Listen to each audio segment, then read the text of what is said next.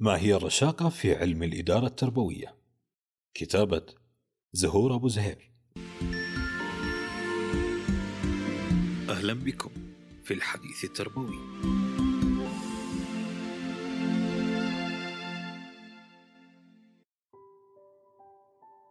غالبا ما يتبادر إلى الذهن عندما نسمع كلمة رشاقة تلك الصورة المثالية للجسد الممشوق الذي يتميز بخفة الحركة وجمال المظهر. وهي حلم للكثير لا يصل إليه إلا الشخص الملتزم بالتمارين الرياضية وممارسة نمط الحياة الصحي. ولكن هذا المفهوم لا يقتصر على هذه الصورة فحسب ويمكن للإدارة كذلك أن تكون رشيقة. تعرف الإدارة الرشيقة بأنها قدرة المنظمة على الأداء الإداري الذي يتميز بسرعة الاستجابة وسرعة تعديل أسلوب العمل بصورة تتناسب مع متطلبات التغيير وهي المنهج الإداري الذي يركز على القيم والانسياب والاستقطاب والسعي نحو الكمال من خلال عمل الفريق إضافة إلى حسن استخدام الحقائق والبيانات وسرعة التجاوب مع التحديات والفرص التي تتاح من أجل تحقيق أفضل المخرجات للعملاء. والتخلص الكلي ما أمكن من كل أنشطة لا تمثل أي قيمة مضافة للعمل أو للعميل. فالإدارة الرشيقة هي عكس الإدارة المترهلة والثقيلة المنغلقة على نفسها المتمسكة بأساليب وطرق إدارية تقليدية.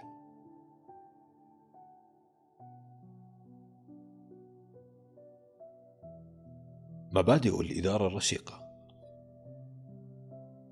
حتى تحقق هذه الفلسفة أهدافها الرئيسية. يجب أن ترتكز على مجموعة من المبادئ الأساسية التي لا يمكن لهذا الأسلوب أن ينجح من دونها وهي إسعاد العملاء. إرضاء العميل من خلال تقديم منتج خدمة ذو قيمة مضافة.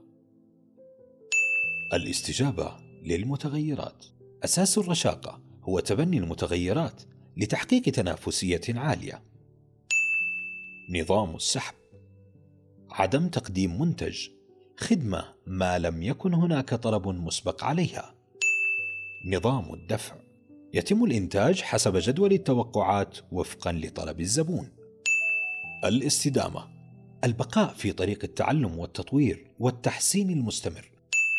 التدفق إيجاد تدفق مستمر في العمليات بداية من تصنيع المنتج الخدمة حتى انتهاء العملية. التميز التقني التركيز على التكنولوجيا المجربة لمنع الأخطاء. الإدارة المرئية وضوح كل القواعد والأساليب الإدارية للجميع. المرونة القدرة على الإنتاج بأوقات مختلفة ومواصفات متنوعة بسرعة وكفاءة عالية. السرعة الإنجاز بشكل متواصل على فترات قصيرة وتبني مفهوم أخطاء مبكرة. بناء القادة. تكوين قادة. قادرين على تكريس ثقافة وفلسفة المنظمة. فريق العمل. تكوين فرق عمل متخصصة في الجودة. تتبع فلسفة المنظمة.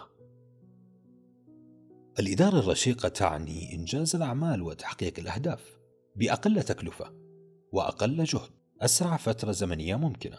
صفرية الأخطاء. صفرية المخزون.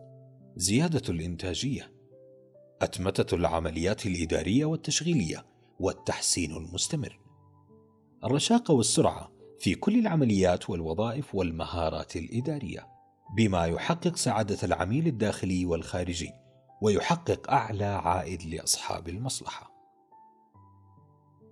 وأهم مرتكز أساسي للإدارة الرشيقة الرشاقه والسرعة في عملية التفكير والسهولة والبساطة في وضع الحلول التي تلامس الواقع وتحسن الأداء وتطوره لدرجة الكمال. الأشياء الهشة عندما تتعرض للضغط والقوة تصبح أضعف وربما تنكسر. أما الأشياء المرنة فتنحني ثم تعود إلى حالتها الأصلية. أما الأشياء الرشيقة تزداد قوة وهكذا هي المنظمات الرشيقة في بيئة فوكا تزدهر رغم التغيير. وتصبح أقوى وتصبح مصدرا لميزة تنافسية حقيقية. وترقينا فلنسعى لتطبيق هذا المفهوم في منظماتنا لقيادتها بما يمكنها من استيعاب المتغيرات الجديدة والوصول إلى النجاح والتميز وتحقيق الميزة التنافسية. فنحن مطالبون بمسابقة الزمن ومواكبة التحولات في ظل التغيرات المتسارعة. كنتم مع بودكاست المجلة التربوية الإلكترونية.